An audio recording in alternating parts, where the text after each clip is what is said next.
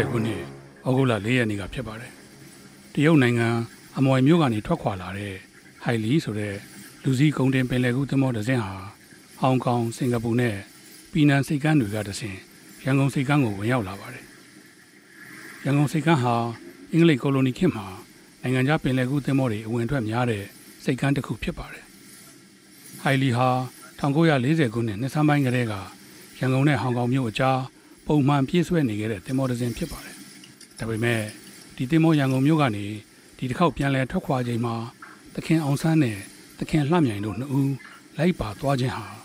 မြန်မာနိုင်ငံရဲ့လွတ်လပ်ရေးကြိုးပမ်းမှုတမိုင်းကိုတနည်းတစ်ဖုံပြောင်းလဲစေမှာဖြစ်တာကြောင့်ဒီခရီးစဉ်ဟာ ထူးခြားတဲ့ခရီးစဉ်လို့ဆိုရမှာပါ။ဟိုင်လီဆိုတဲ့နာမည်ဟာတရုတ်နာမည်ဖြစ်ပေမဲ့ဒီတင်မောကိုနော်ဝေတင်မောကုမ္ပဏီကြီးတစ်ခုကပိုင်ဆိုင်ပါတယ်။ဟိုင်လီကိုတရုတ်နိုင်ငံနဲ့အာရှတိုက်အတွင်းကတခြားဒေသတွေအကြားခုံမောင်းပြည့်ဆွဲဖို့ရည်ရွယ်ပြီး1933ခုနှစ်မှာတည်ဆောက်ခဲ့တာပါ။ဟိုင်လီဟာဝင်အားဖြင့်မက်ထရစ်တန်ချိန်3600ကျော်တင်ဆောင်နိုင်တဲ့လူစည်းကုန်တဲ့အမျိုးအစားအလဲအလတ်အရွယ်ပင်လယ်ကူးသင်္ဘောဖြစ်ပြီးတနအီကိုရေမိုင်15မိုင်နှုန်းနဲ့ ခုံမောင်းနိုင်ပါတယ်။ရန်ကုန်ဟောင်ကောင်ခရီးစဉ်ကိုဟိုင်လီသင်္ဘောပြေးဆွဲနေတဲ့ကာလဟာကမ္ဘာတစ်ခွင်မှာစစ်ရေးနိုင်ငံရေးတွေရှုပ်ထွေးနေတဲ့အခိုက်အတန့်ဖြစ်ပါတယ်အာရှတိုက်မှာဆိုရင်1939ခုနှစ်ကတည်းကဒုတိယမြောက်တရုတ်ဂျပန်စစ်ပွဲကြီးဖြစ်ပွားနေသလိုဥရောပတိုက်မှာဆိုရင်လည်း1939ခုနှစ်ကတည်းကဒုတိယကမ္ဘာစစ်မင်းကြီးတောက်လောင်နေပြီဖြစ်ပါတယ်။ကမ္ဘာစစ်ကြောင်အင်္ဂလိပ်ပြင်သစ်အစရှိတဲ့ ကိုလိုနီနိုင်ငံကြီးတွေအကြက်တဲတွေ့နေချိန်မှာကိုလိုနီကျုံပြုတ်ခံထားကြရတဲ့အာရှနိုင်ငံတွေကလည်းသူတို့နိုင်ငံတွေလွတ်လပ်ရေးအတွက်ကိုနီးကိုဟန်နဲ့ကြိုးပမ်းအားထုတ်နေကြတဲ့ကာလလည်းဖြစ်ပါတယ်အမျိုးသားရင်ကျိုးပါညာပါတို့မမြန်မာနိုင်ငံမှာဆိုရင်နေချက်ဆန့်ကျင်ရေးလှုပ်ရှားမှုဟာ1936ခုနှစ်တက္ကသိုလ်ကျောင်းသားတပိတ်နောက်ပိုင်းမှာပိုပြီးအရှိန်အဟုန်ရလာပါတယ်။ လက်နက်ကိုင်းတပုံထမှသာလွတ်လပ်ရေးရနိုင်မယ်လို့1938ခုနှစ်ဧပြီလတုန်းက AR တိုင်းစည်းကြံရွာမှာရဲရဲတောက်မိန်ကွန်းပြောခဲ့တဲ့ကျောင်းသားခေါင်းဆောင်ကိုအောင်ဆန်းဟာအဲ့ဒီနှစ်အောက်တိုဘာလမှာပဲဒုဗမာအစည်းအရုံးကြီးရဲ့အထွေထွေအတွင်းမှုသခင်အောင်ဆန်းဖြစ်လာပါတယ်။သူဟာအင်္ဂလိပ်ကိုတော်လှန်မှုပြင်ဆင်တဲ့အနေနဲ့1939ခုနှစ်အတွင်းမှာကွန်မြူနစ်ပါတီကလစီဗမာထွဲရဂိုင်းနဲ့မြေအောက်ရှုပ်ဝဲအဖွဲ့တွေကိုဥဆောင်ကဏ္ဍကနေ ပါဝင်တည်ထောင်ခဲ့ပါတယ်။နောက်ဆုံး1940ခုနှစ်ဇွန်လမှာဇလွန်မြို့နေချက်ဆန့်ကျင်ရေးတရားပွဲကြောင့်အင်္ဂလိပ်အစိုးရကဖန်ဝရန်ထုတ်ပြီးနောက်မှာတော့သခင်အောင်ဆန်းဟာမြေအောက်နိုင်ငံရေးသမားဘဝကိုခံယူလိုက်ပါတယ်။သခင်အောင်ဆန်းနဲ့တကွာတခြားလက်ဝဲသခင်တွေဟာဂျပန်ဖက်စစ်ဝါဒကိုစန့်ကျင်ကြသူတွေဖြစ်တာကြောင့်ဂျပန်ရဲ့အကူအညီကိုမလိုချင်ခဲ့ကြပါဘူး။ဒါကြောင့်တရုတ်သို့မဟုတ်ယူရီးယားနိုင်ငံမှာအကူအညီယူဖို့စဉ်းစားဆွေးနွေးကြပြီး နောက်ဆုံးမတော့တရုတ်ကွန်မြူနစ်ပါတီနဲ့ဆက်သွယ်ဖို့ဆုံးဖြတ်လိုက်ကြပါတယ်။ဒီနောက်သခင်ကောင်းဆောင်တချို့ဟာကုန်းလန်းခီးအပြင်တရုတ်နိုင်ငံကိုတွားကြဖို့စီစဉ်ခဲ့ပေမဲ့လမ်းပိတ်ထားတဲ့အတွက်ရေလန်းခီးကိုသာရွေးချယ်လိုက်ရပါတယ်အဲ့ဒီရေလန်းခရီးအတွက်တာဝန်ယူစီစဉ်ပေးသူကတော့သခင်လှဖေးဖြစ်ပြီးဟိုင်လီသင်းမောနဲ့ဆက်သွယ်ပေးသူကတော့ရန်ကုန်16လမ်းမှာနေတဲ့ကိုကျော်ခင်ဖြစ်ပါတယ်1940ခုနှစ်ဩဂုတ်လ10ရက်နေ့မှာတော့ သခင်အောင်ဆန်းနဲ့သခင်လှမြိုင်တို့ဟာတန်လွန်ရှောင်းနဲ့တန်စုတောင်းဆိုတဲ့တရုတ်နာမည်တွေကိုသုံးဆွဲပြီးဟိုင်လီသင်းမောဘော်ကိုတက်ရောက်သွားပါတယ်တရုတ်နာမည်တွေကိုသုံးဆွဲရခြင်းဟာသူတို့သွားမဲ့ခရီးစဉ်အဆုံးသည်ဂျပန်တွေကျူးကျော်ထားတဲ့တရုတ်နယ်မြေဖြစ်နေတာကြောင့်နှစ်ဖက်စိတ်ကန်းကပလိတ်တွေမရိပ်မိအောင်တရုတ်လူမျိုးအယောင်ဆောင်ကြတာလို့ယူဆရပါတယ်။ဘာပဲပြောပြောဟိုင်လီကတော့ဗမာပြည်လွတ်လပ်ရေးအတွက်စွန့်လွတ်စွန့်စားကြတဲ့သခင်လူငယ်နှစ်ဦးကိုတင်ဆောင်ပြီးတရုတ်ပြည်စီထွက်ခွာသွားပါပြီ။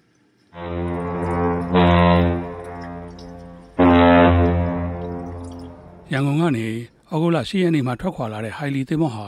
မာလကာရေလက်ကျောက်ကိုဖျားပြီးအင်္ဂလိပ်ပိုင်းမလေးရှားနယ်မြေကပီနန်စိတ်ကန်းဆွဲတင်ဟမ်စိတ်ကမ်းနဲ့စင်ကာပူစိတ်ကမ်းတွေကိုဝင်ရောက်ရန်နာပါတယ်။ဒီနောက်စင်ကာပူကတဆင်တောင်တရုတ်ပင်လယ်ကိုဖြတ်ပြီးအင်္ဂလိပ်ပိုင်းဟောင်ကောင်စိတ်ကမ်းကိုဩဂုတ်လ22ရက်နေ့မှာရောက်လာပါတယ်။ ဩဂုတ်လ24ရက်နေ့မှာတော့ဟောင်ကောင်စိတ်ကမ်းကထွက်ခွာပြီးဂျပန်ကတရုတ်ထံကနေသိမ်းပိုက်ထားတဲ့အမွိုင်မြို့ကိုနေတွင်ချင်းဆက်ရောက်လာပါတယ်။အမွိုင်မြို့ကိုရောက်လာတဲ့သခင်အောင်ဆန်းတို့ဟာတရုတ်ကွန်မြူနစ်ပါတီနဲ့ဆက်သွယ်ဖို့ကြိုးပမ်းပေမဲ့ဂျပန်ကင်ပေတိုင်းနေခြေချင်းလိန်နေတဲ့အတွက်အဆက်အသွယ်မရခဲ့ပါဘူး။သခင်အောင်ဆန်းတို့အဲ့ဒီမြို့မှာရှိနေချိန်အတွင်းဂျပန်ဗိုလ်မှူးကြီးဆူဇူကီဟာသခင်ကိုတော်မိုင်းသခင်မြအဆရှိတဲ့ဒိုဝမာအစည်းအရုံးခေါင်းဆောင်တွေနဲ့ရန်ကုန်မြို့မှာလျှို့ဝှက်တွေ့ဆုံပါတယ်။ ဗိုလ်မှူးကြီးဆူဇူကီရဲ့ညွှန်ကြားမှုကြောင့်အမွိုင်မှာရှိတဲ့ဂျပန်ကင်ပေတိုင်းတပ်မှုဗိုလ်မှူးခန္ဓာဟာသခင်အောင်ဆန်းတို့ကိုရှာဖွေတွေ့ဆုံပြီးဂျပန်ကသိမ်းပိုက်ထားတဲ့ဖော်မိုဆာကျွန်းတိုင်ပေမြို့ကဂျပန်စစ်ဌာနချုပ်ကိုပို့ပေးပါတယ်။အဲဒီကမှတဆင်ဂျပန်နိုင်ငံတူချိုမြို့ကို1940ခုနှစ်နိုဝင်ဘာလ12ရက်နေ့မှာပို့ဆောင်ပေးပါတယ်။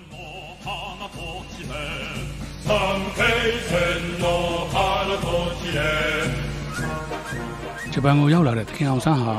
လွတ်လပ်သောမြန်မာပြည်ပြန်လည်ထူထောင်ရေးစီမံကိန်းကိုဂျပန်အစိုးရထံတင်ပြပြီး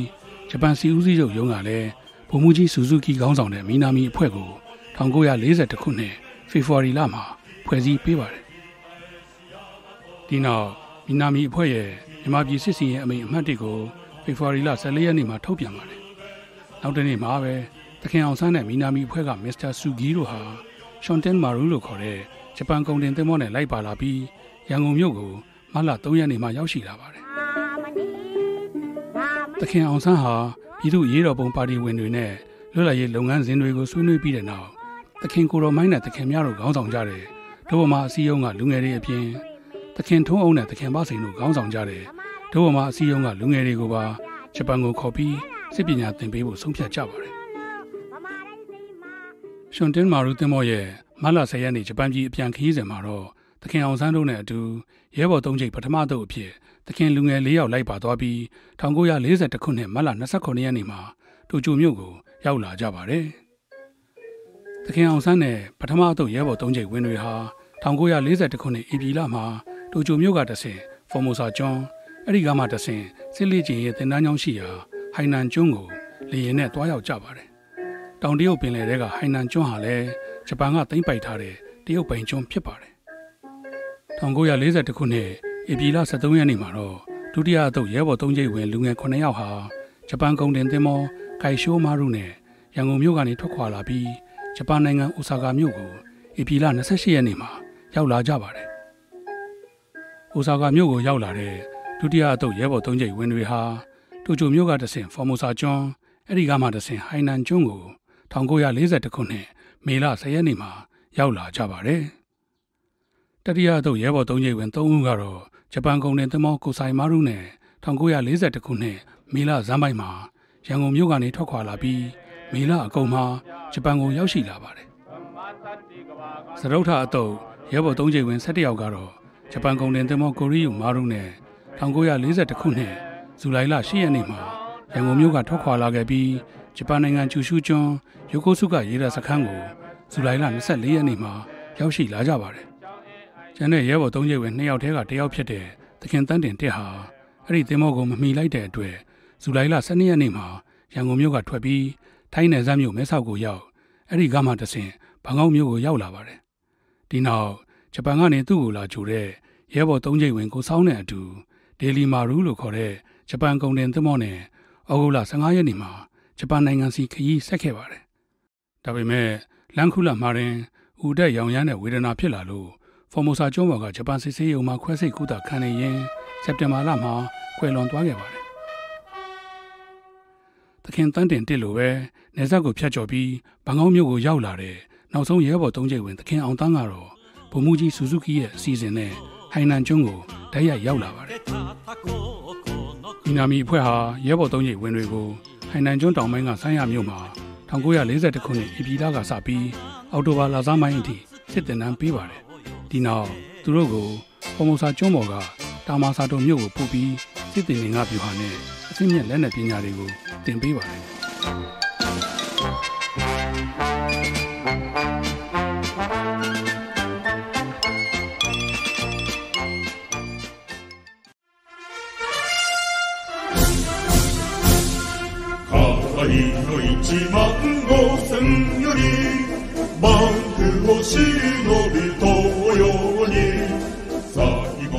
1940ခုနှစ်ဒီဇင်ဘာလ10ရက်နေ့မှာတော့ဂျပန်လေတပ်ဟာပစိဖိတ်သမုဒ္ဒရာထဲကအမေရိကန်ပိုင်ပလဲစီကန်ရေတပ်စခန်းကိုဒီကြောင်းကနေဝင်ရောက်တိုက်ခိုက်ပြီးဒုတိယကမ္ဘာစစ်ရဲ့အရှေ့အာရှစစ်မျက်နှာကိုဖွင့်လှစ်လိုက်ပါတယ်။ဂျပန်ဟာအဲ့ဒီနေ့မှာပဲဟောင်ကောင်စင်ကာပူနဲ့ဗြိတိရှမာလာယုကျွန်းဆွယ်ကိုဝင်ရောက်တိုက်ခိုက်ပါတယ်။ထိုင်းနိုင်ငံကတော့ဂျပန်ရဲ့မြန်မာနဲ့မာလာယုစစ်စင်ရေးတွေမှာသူ့ရဲ့နယ်မြေကိုဖျက်ကျော်အသုံးပြုခွင့်ပေးလိုက်ပါတယ် The Japanese get their base for the invasion of Burma. One week after Pearl Harbor, the Imperial Japanese Army bursts across the border of Siam into Burma. Five months of ravaging and slaughter lie ahead before the Allied defenders are split and shattered. အမေရိကန်နဲ့တခြားမဟာမိတ်နိုင်ငံတွေဟာဂျပန်ကိုအဲ့ဒီနေ့မှာပဲစစ်ကြေညာလိုက်ကြပါတယ် a state of war has existed between the United States and the Japanese Empire. 1940ခုနှစ်ဒီဇင်ဘာလ26ရက်နေ့မှာတော့ထိုင်ဝမ်ကျွန်းကိုရောက်နေတဲ့ရဲဘော်သုံးကျိပ်ဝင်တွေဟာထိုင်းနိုင်ငံဘန်ကောက်မြို့ကိုရောက်လာကြပါတယ်အဆွေပဲတို့တင်စိတ်ကူးတယ်တကယ်ပင်အမျိုးသားချစ်ရင်ခွဲ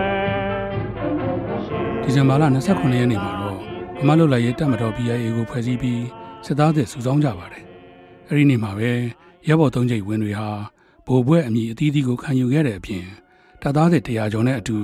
လက်မောင်းသွေးဖောက်တော့ပြီးဗမာလွတ်လပ်ရေးအတွက်အသက်ပေးတိုက်ခိုက်ကြဖို့သစ္စာဆိုကြပါတယ်မျိုးမြမပြည်ရွာတို့တောက်ချက်ကိုပါသေသေးလည်းမကြောက်ပါရင်မြေလောက်ပါ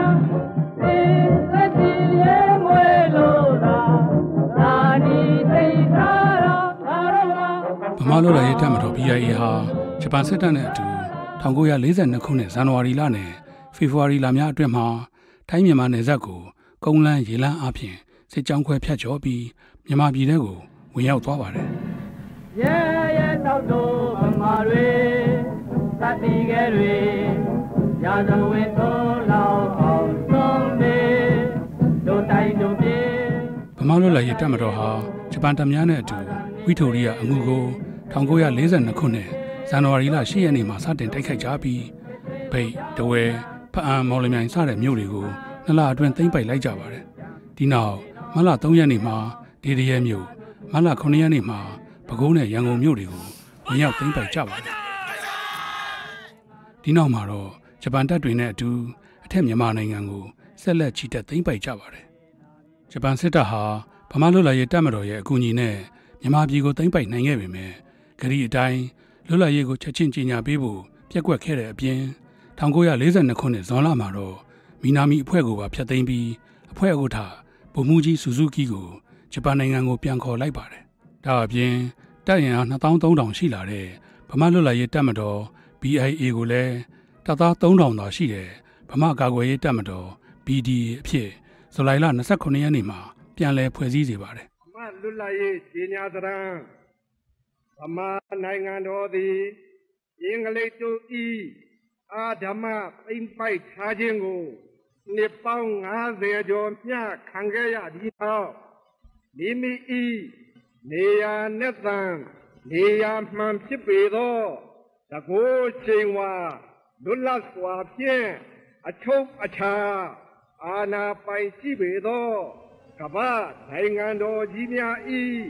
အဆက်အတန်းသို့ ဤနေ့ဤအခါတွင်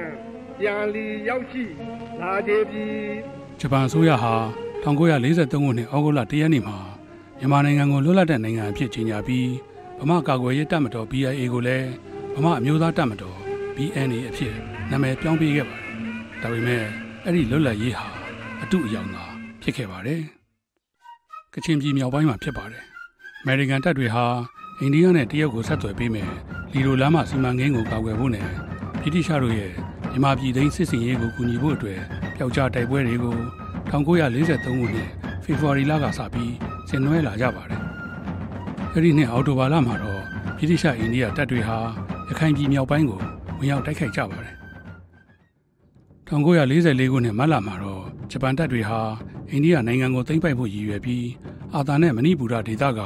အင်ဖာနဲ့ကိုဟီမာမြို့တွေကိုလေးလကြာအောင် ဝင်းရံတိုက်ခိုက်ခဲ့ကြပါတယ်။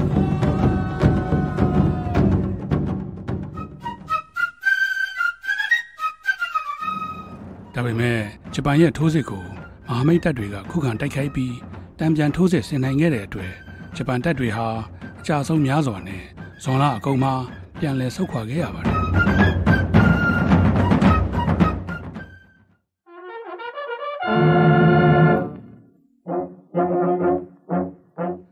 ပန်တွေအိန္ဒိယစစ်မျက်နှာကနေဆုတ်ခွာလာပြီးတလကျော်အကြာဩဂုတ်လ၄ရက်နေ့မှာတော့ဗိုလ်ချုပ်အောင်ဆန်းဟာ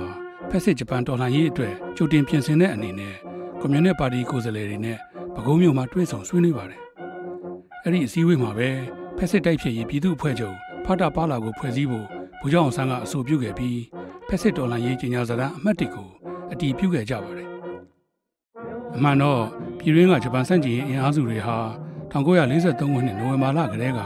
အိန္ဒိယနိုင်ငံမှာရှိတဲ့မဟာမိတ်တပ်တွေနဲ့အဆက်အသွယ်ရယူထားခဲ့ကြတာပါ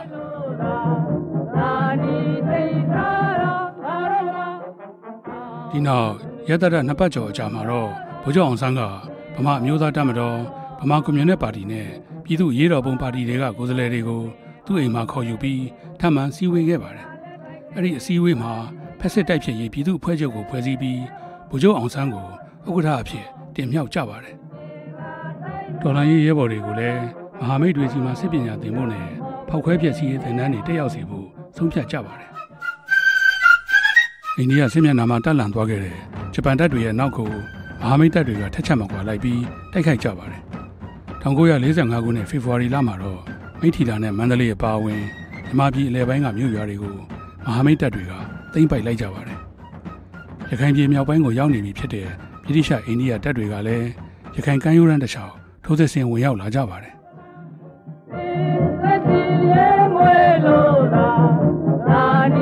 ဂျပန်တော်လှန်ရေးနောက်ဆုံးအစည်းအဝေးမှာတော့ဗမာအမျိုးသားတပ်မတော်ဗမာကွန်မြူနစ်ပါတီနဲ့ပြည်သူ့ရေးတော်ပုံပါတီတွေကကိုယ်စားလှယ်တွေဟာစစ်တိုင်းတွေကိုတတ်မှတ်တာဝန်ခွဲကြတဲ့အပြင်1945ခုနှစ်ဧပြီလ2ရက်နေ့ကိုဂျပန်တော်လှန်ရေးနေ့အဖြစ်သတ်မှတ်လိုက်ကြပါတယ်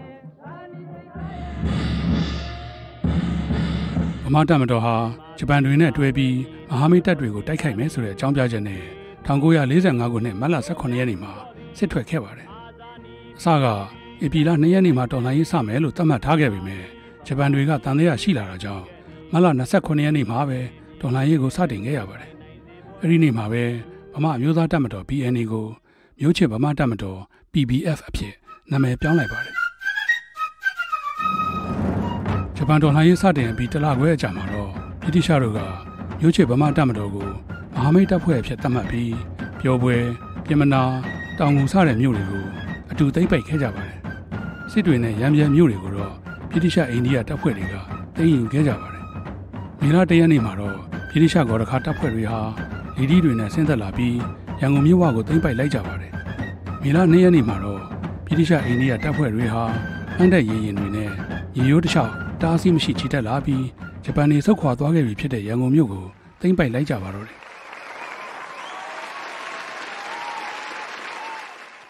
အမေရိကန်လေတပ်ဟာ1945ခုနှစ်ဩဂုတ်လ6ရက်နေ့နဲ့9ရက်နေ့တွေမှာဂျပန်နိုင်ငံဟီရိုရှီးမားနဲ့နာဂါဆာကီမြို့တွေကိုအနုမြူပုံကျဲချလိုက်ပါတယ်။ဩဂုတ်လ15ရက်နေ့မှာတော့ဂျပန်ဘရင်ဟီရိုဟီတိုကလက်နက်ချအမိန့်ကိုထုတ်ပြန်ခဲ့ပါတယ်။ဒီနောက်ဂျပန်နိုင်ငံသားရေးဝန်ကြီးနဲ့ စီဦးစီးချုပ်တို့ကမဟာမိတ်စစ်တေနာပတိချုပ်အမေရိကန်ဗိုလ်ချုပ်ကြီးမက်ကာသာနဲ့မဟာမိတ်တပ်ပေါင်းစုဗိုလ်ချုပ်ကြီးတွေရဲ့ရှင်းမောက်မှာလက်နက်ချစာချုပ်ချုပ်ဆိုလိုက်တဲ့အတွက်ဒုတိယကမ္ဘာစစ်ကြီးတရားဝင်ပြီးဆုံးသွားပါတော့တယ်။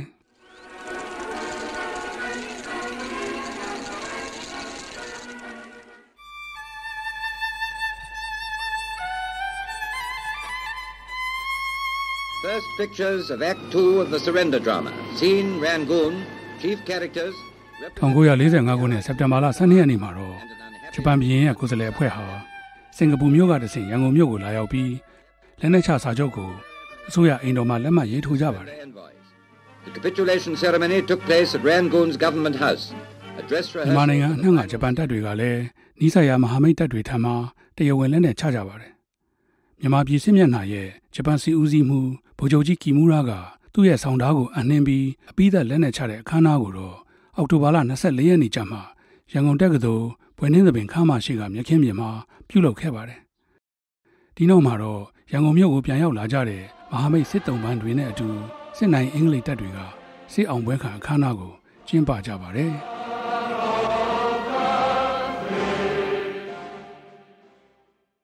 ကိုယ့်ဒီကိုယ်ပိုင်မင်းနဲ့တွင်ငင်ရှင်းရှင်းနေနိုင်ဖို့အတီကုန်းတရေရများအခုလိုအင်္ဂလိပ်တပ်တွေဆင်းနိုင်သွားပြီဆိုတာဟာ အင်္ဂလိပ်အစိုးရလက်ထက်ကိုမြန်မာပြည်ပြန်ရောက်သွားပြီဆိုတဲ့အဓိပ္ပာယ်ဖြစ်ပါတယ်။တနည်းပြောရရင်တော့ဒုတိယကမ္ဘာစစ်အတွင်းမြန်မာပြည်စစ်မျက်နှာမှာမဟာမိတ်တပ်သား4000ကျော်ဂျပန်တပ်သား3သိန်းခွဲကျော်နဲ့အတူမြန်မာပြည်ကအရသားအနည်းဆုံး2သိန်းခွဲကျော်လောက်သေဆုံးခဲ့ကြရပြီမြဲမြန်မာပြည်ရဲ့လွတ်လပ်ရေးကြိုးပမ်းမှုဟာဆုံးခတ်မတိုင်သေးဘူးဆိုတဲ့အဓိပ္ပာယ်ပါပဲ။လွတ်လာရေးဒေသပေးသနာတော်မူကရွှေဖုံးတော်အရှင်တခင်သူများဖယား အိန္ဒိယနိုင်ငံဆင်မလာမြို့မှာဆစ်ဆောင်နေခဲ့တယ်။အင်္ဂလိပ်ဘုရင်ကဒေါ်မန်စမစ်ဟာ1945ခုနှစ်ဧပြီလမှာရန်ကုန်မြို့ကိုပြန်ရောက်လာပါတယ်။ဒီနောက်မေလမှာစက်ကူပြူစာတမ်းကိုထုတ်ပြန်ပြီးမြန်မာနိုင်ငံကိုအ ਨੇ ဆုံး၃နှစ်ဆက်ပြီးအုပ်ချုပ်ဖို့စီစဉ်ပါတယ်။ဒါကိုမလိုလားတဲ့ဗိုလ်ချုပ်အောင်ဆန်းဟာအနာဂတ်စီးရဲနိုင်ငံရေးကိစ္စတွေကိုသူ့ရဲ့တမှုတွေနဲ့ရောဖာတာပါလာအဖွဲ့ချုပ်ခေါင်းဆောင်တွေနဲ့ပါတိုင်ပင်ပါတယ်။ဒီနောက်မှာတော့လူတသိန်းကျော်တက်ရောက်တဲ့ နေသူတွေညီလာခံကြီးကိုခေါ်ယူပြီးပြည်ထောင်စုမြန်မာနိုင်ငံတော်တည်ထောင်ဖို့နဲ့တမတော်သစ်ကိုဖွဲ့စည်းဖို့ဆိုတဲ့လမ်းစဉ်တွေကိုချမှတ်လိုက်ပါတယ်ဒီကိစ္စနဲ့ကျွန်တော်တို့လင်နာပြောမယ်ဆိုလို့ချင်း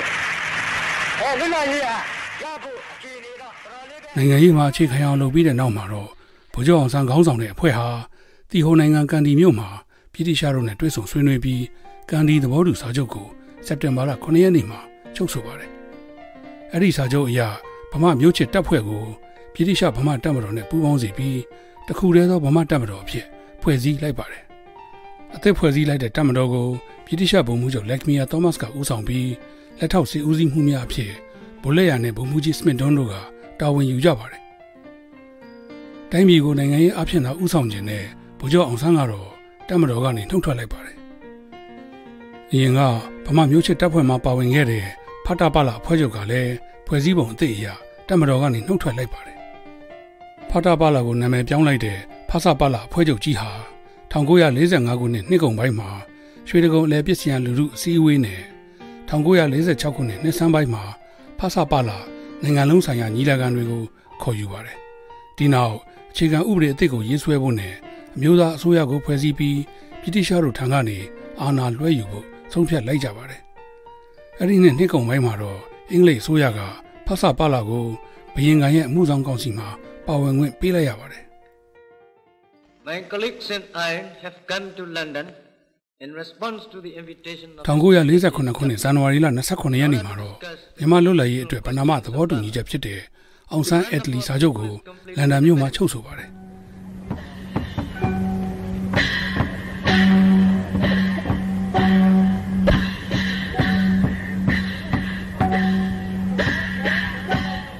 အောင်ဆန်းအက်တလီစာချုပ်အရာ ပြည်မနဲ့တောင်တန်းဒေသတွေအတူပူးပေါင်းပြီးလွတ်လပ်ရေးမရယူခင်တောင်တန်းပြည်သူတွေရဲ့ဆန္ဒကိုပြည်တိရှအစိုးရကတည်နိုင်စေဖို့အတွက်1948ခုနှစ်ဖေဖော်ဝါရီလ12ရက်နေ့မှာပင်လုံညီလာခံကိုကျင်းပပါတယ်။ပင်လုံစာချုပ်ကိုဥအောင်ဆန်းနဲ့အတူကချင်ချင်းနဲ့ရှမ်းကောင်းဆောင်များကလက်မှတ်ရေးထိုးခဲ့ကြပါတယ်။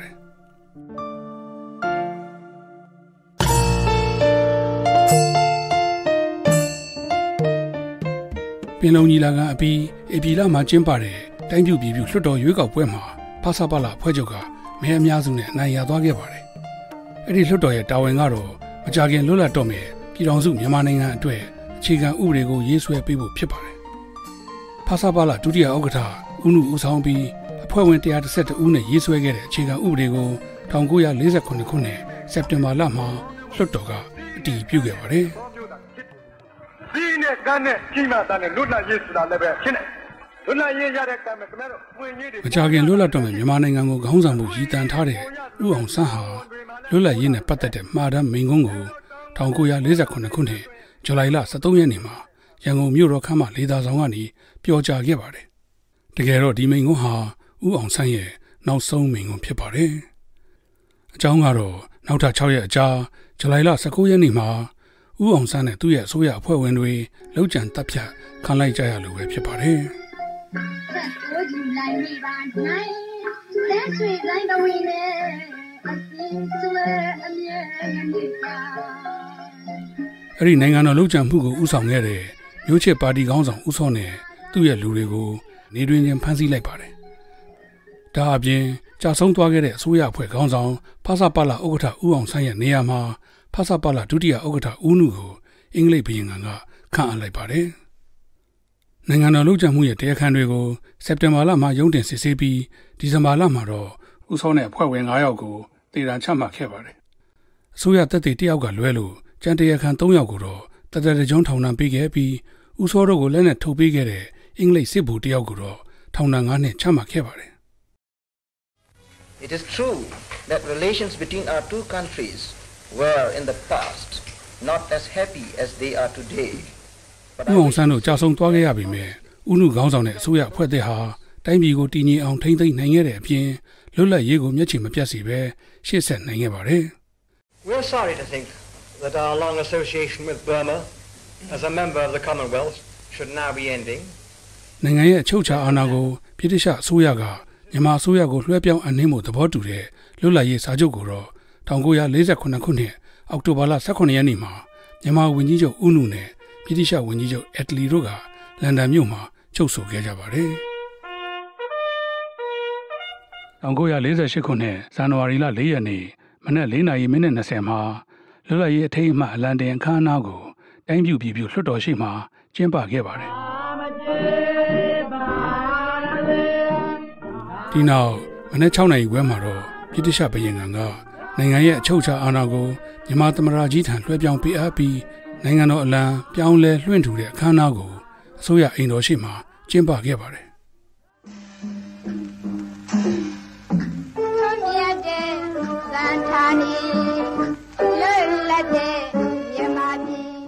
ဒီနောက်မှာတော့မြန်မာပြည်ရဲ့နောက်ဆုံးဘရင်ကဆာဟူဘတ်ရမ်စာပြည်တရှရေရသမောကြီး HMS Birmingham နဲ့အင်္ဂလန်နိုင်ငံကိုပြန်သွားခဲ့ပါတယ်။ ရန်ကုန်မြို့နယ်တကွမြန်မာပြည်အနှံ့ပြားမှာတော့လွတ်လပ်ရေးအောင်ပွဲကိုဆင်နွှဲကြပါတယ်။ဒီနောက်ဝန်ကြီးချုပ်ဦးနုနဲ့သူ့ရဲ့အစိုးရအဖွဲ့ကတမရာကြီးဆက်ရွှေတိုက်ရဲ့ရှေ့မောက်မှာကျန်းသစ္စာကျိန်ဆိုလိုက်ပြီးနောက်မှာတော့လွတ်လပ်တဲ့ပြည်တော်စုမြန်မာနိုင်ငံတော်အစိုးရပေါ်ပေါက်လာခဲ့ပါတော့တယ်။အဲ့ဒီနေ့မှာပဲရန်ကုန်မြို့မဟာဗန္ဓုလပန်းချံမှာစိုက်ထူမဲ့တမိုင်းဝင်မြန်မာလွတ်လပ်ရေးကြောက်တိုင်ကိုအုံမြင့်ချလိုက်ကြပါတယ်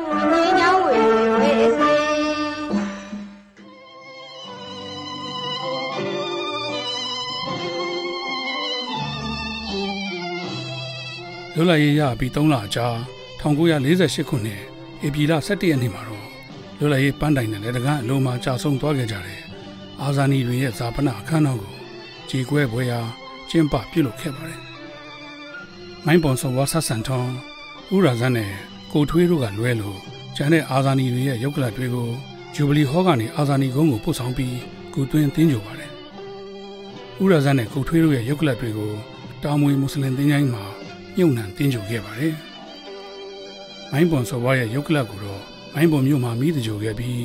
အယိုးပြားကိုမိုင်းပွန်မြို့နယ်ရန်ကုန်မြို့အာဇာနည်ဗိမာန်မှာခွဲဝေထားရှိပါတယ်။